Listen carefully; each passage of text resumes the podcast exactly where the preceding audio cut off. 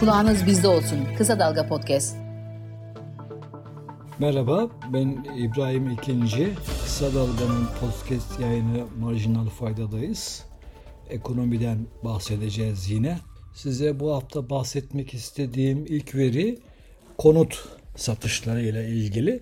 Çünkü bildiğiniz gibi konutlar bu geçtiğimiz dönemde önemli bir yatırım aracı gibi görüldü. Fiyatları olağanüstü arttı, kiralar olağanüstü arttı. Tabii insanların ev ihtiyacı var, kiralama ihtiyacı var. E, dolayısıyla önümüzde neler olabilir biraz bunları görmek lazım. O yüzden üstünde duruyorum.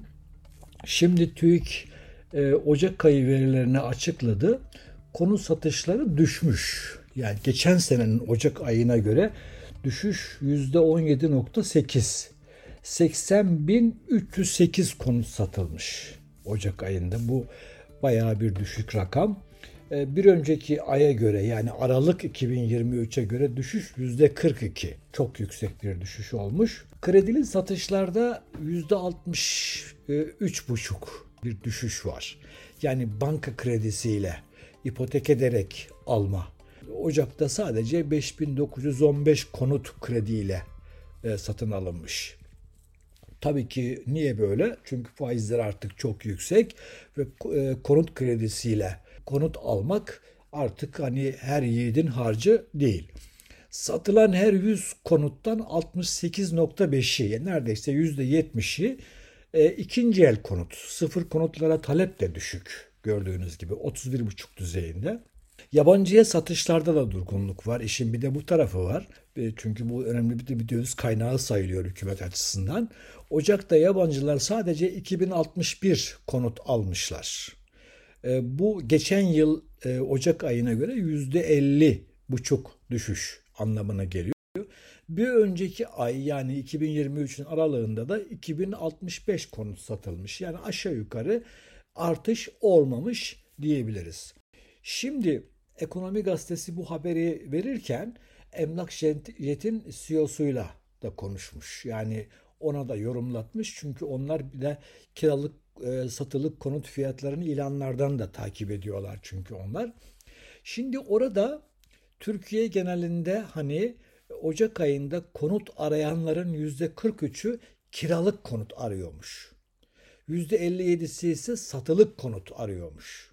Yani bir kere bu veri önemli. Bir önceki aya göre satılık fiyatlarında radikal bir değişiklik yok. Yani fiyat artışları durma noktasında yani konut satış e, fiyatları. Kiralarda artış var ama. Yani kiralar artıyor ama konut fiyatlarında artış düştü. Ya da daha doğrusu artık artış olmuyor noktasında. Biraz sonra ona size e, onun verisini vereceğim size. Şimdi Emlak Jent üst yöneticisi Tolga İdikat başta İstanbul olmak üzere birçok büyük şehirde artan kira fiyatları sebebiyle şehir merkezlerinden şehrin çeperlerine doğru bir yoğunluk, bir göç yoğunluğu var diyor. Neden? Şehir merkezlerinde kiralar ödenebilir değil. Kiralamak isteyen ne yapıyor? Biraz daha şehrin çeperlerine giderek daha e, düşük kiralar bulmak istiyor. Şimdi son 7-8 aydır yaşanan faiz artışları konut e, alamayan orta gelirli vatandaşları da kiralık piyasasına yönlendiriyor. Neden? E çünkü konut alamayınca konut ihtiyacınız varsa ne yaparsınız? Alımı ertelerseniz biraz ve kiralık e, konut yoluna gidersiniz. Dolayısıyla bu da kiraya ekstra bir talebi e, artırıyor. Şimdi İdikat'ın tahminine göre 2024 yani içinde bulunduğumuz yıl kiralarda artışlar devam edecek. Şimdi bu tablonun verilerine bakalım. Kiralık talebi artıyor bir kere. Bu, bunu görüyoruz. Kiralık talebi artıyor. Konut fiyatları ise ya düşme noktasında ya da artışları durdu noktasında. Şimdi bu tabloya ilk tepki ne olur? Hani konut fiyatları artmıyorsa konut üretenler ne yaparlar? Hani ellerindeki stoku eritme yoluna giderler ve konut arzı yavaşlar. Bakın şimdi burada yeni bir döngü ortaya çıkıyor. Konut arzı yavaşlarsa bu arz hani taleple dengeli biçimde yavaşlamaz da eğer daha fazla bir yavaşlama söz konusu olursa bu sefer ne olur? Bu sefer konut fiyatları yeniden tırmanışa geçebilir. Şimdi e, İdikat demiş ki uzun vadede artacak olan bu talebe yönelik bir arz sıkıntısı yaşanacaktır.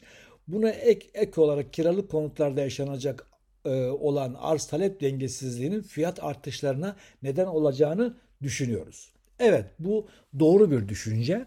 Yani kiralık talebi artıyor. Konut fiyatları artmadığı için konutçu konut üretmekten biraz vazcayıyor. Dolayısıyla vazcaydığı için arz talep dengesizliği ortaya çıkıyor ve konut fiyatları yeniden artıyor. Şimdi İdikat yüksek rakamlar vermiş ama ben o yüksek rakamlara çok katılamadım. Fakat enflasyon düzeyinde bir artış e, öngörebiliriz konut fiyatlarında. Enflasyonun üstünde değil enflasyon düzeyinde belki biraz alt, altında. Çünkü biraz biraz bir balon kokusu da var. Şimdi bu konuda Betam Betam e, Bahçeşehir Üniversitesi'ne bağlı bir araştırma merkezi. Bu burası da takip ediyor konut fiyatlarını. Şimdi o sahibinden kom üzerinden verilen ilan fiyatları üzerinden analiz yapıyor. Şimdi Betam'ın verisine göre konut fiyatlarındaki reel artış Türkiye genelinde %0.2'ye indi. Yani neredeyse yok. Şimdi hani reel artıştan bahsediyoruz bu. Tabii TÜİK enflasyonunu kullanarak bir reel rakam bulunuyor. TÜİK enflasyonu düşükse muhtemelen konut fiyatları aslında hani %0.2 e, artış değil belki eksi bölgeye de geçmiş bile olabilir. Dolayısıyla konut şu sıralar 2023'te 2022'de gözlediğimiz kadar önemli, kazandıran bir yatırım aracı olma vasfını kaybediyor.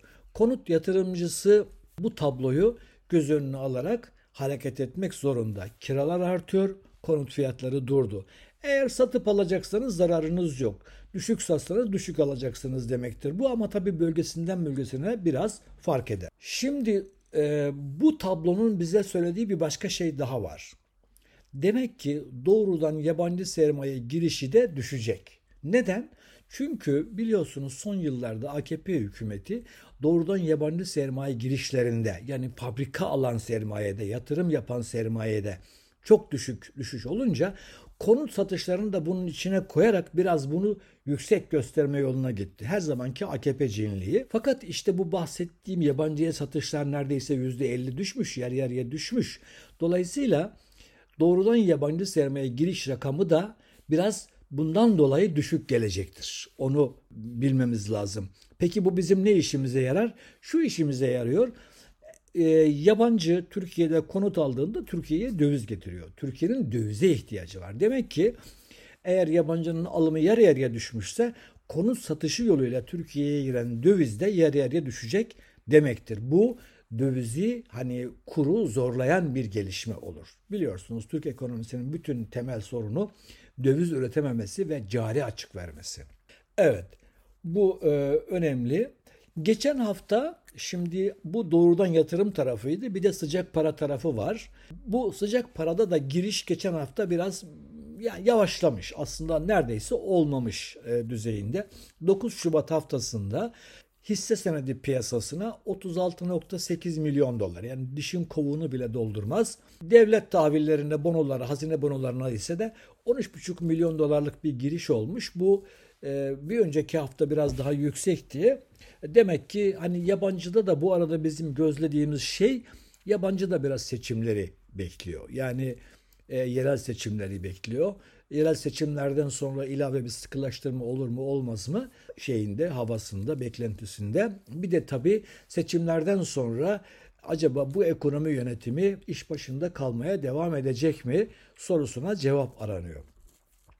Dövizde neler olabilir konusunu geçen hafta anlattım. Dört nedenle döviz 60 olur, 50 olur, 70 olur aforizmaları sallamadır diye söylemiş idim. Ve olmaz derken de bir neden de şuydu. Yüksek borçluluk. Türkiye'de kamunun özellikle yüksek döviz borçluluğuydu. Çünkü her kur artışı burada çok büyük e, artışlara yol açıyor idi. Şimdi burada mesela geçen hafta Bloomberg HT'de bir haber yer aldı. Orada da diyor ki e, hükümet ihracatçı kur yükselsin diye bastırıyor ama hükümet bundan çok buna çok yanaşmıyor. Çünkü Türkiye'nin özel sektör artı kamu döviz borçları ile döviz varlıkları arasındaki farkı gösteren bir rakam vardır. Uluslararası yükümlülükler rakamı denen bir şey bu. Orada Türkiye'nin bütün dünyanın her tarafındaki yatırımları dahil yani bütün döviz cinsi varlıkları ile döviz yükümlülüklerinin farkı 270 milyar dolar. Aslında bunda bir revizyon yaptılar. Bunun hesaplamasını değiştiler, değiştirdiler. Eğer o değişiklik olmasaydı bu şimdi 370 milyar dolar gözükecekti. Dolayısıyla özetle çok büyük bir yükümlülük açığı var ve dolayısıyla bu yükümlülük açığında hani TL'nin her değer kaybedişi bu yükümlülük e, yükümlülüğü artırıyor. Olağanüstü boyutlarda artırıyor. Dolayısıyla bundan dolayı hükümet ihracatçının kur artsın talebine soğuk bakıyor diye bir haberdi. Döviz mevduatında iki haftadır bir gerileme var. Ee, geçen haftada 543 milyon dolarlık bir düşüş olmuş. Yurt içi yerleşiklerden çok böyle hani e, coşkulu bir döviz talebi gözlemediğimizi söylemem lazım. Seçimlerden sonra ne olabileceği konusuna çok kafa yoruluyor. Evet doğru haklısınız biz de e, biz de bunu kafa yormaya çalışıyoruz çünkü önümüzü görmemiz lazım. Bir kere kredi kartlarına sınırlama bu adımlardan biri. Muhtemelen seçimleri beklemeden bu e, adım atılacaktır. Seçimlerden hemen sonra ise ertelenmiş kamu zamları gelecek. Yani yüksek doğalgaz ve elektrik zamları bekleniyor. 2024 Ocak ayı bütçe açığı 151 milyar lira geldi. Bu çok yüksek bir rakam. 2022 yılının toplam açığı 129 milyardı hatırlayın. Dolayısıyla bir ayda bunun bunun üstünde bir açık verilmiş oluyor. Faiz giderleri çok olağanüstü artmış. %467 artışla bu açığın 121 milyarı faiz giderinden gelmiş. Çünkü Türkiye'nin e, kamu borç stoku e, 7, 7 trilyon e, TL civarlarına yükseldi. Dolayısıyla ödeyeceği faizde haliyle katlanarak artıyor. Bu tablo hem kamu zamlarını tetikleyecek hem de ilave vergi artışlarını gündeme getirebilir.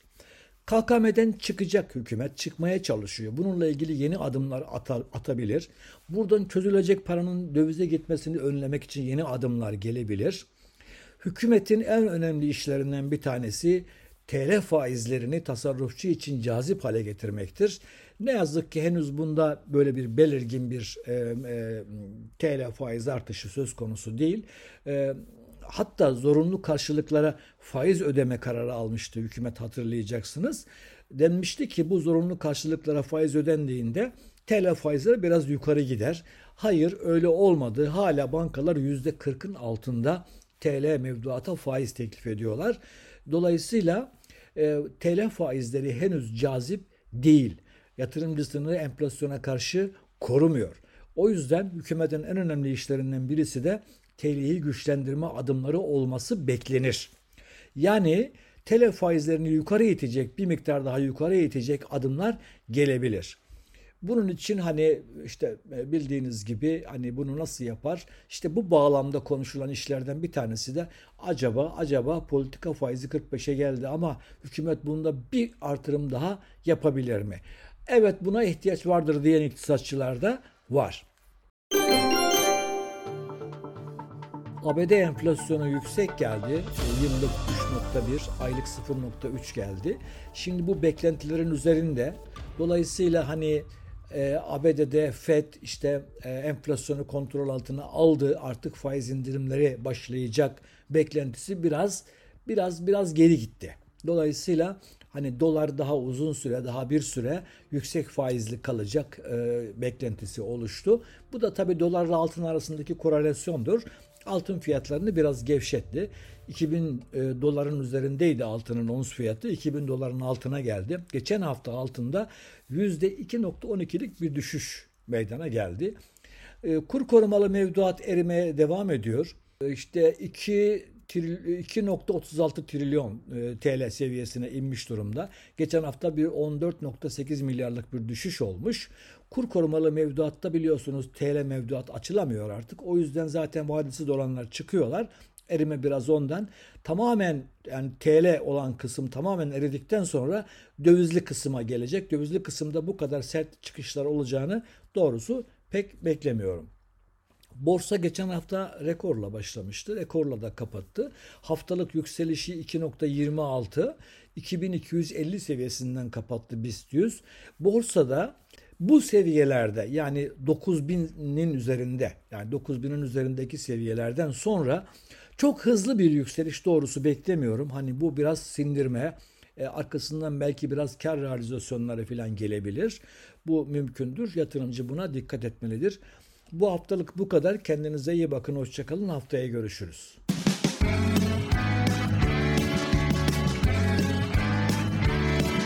Kulağınız bizde olsun. Kısa Dalga Podcast.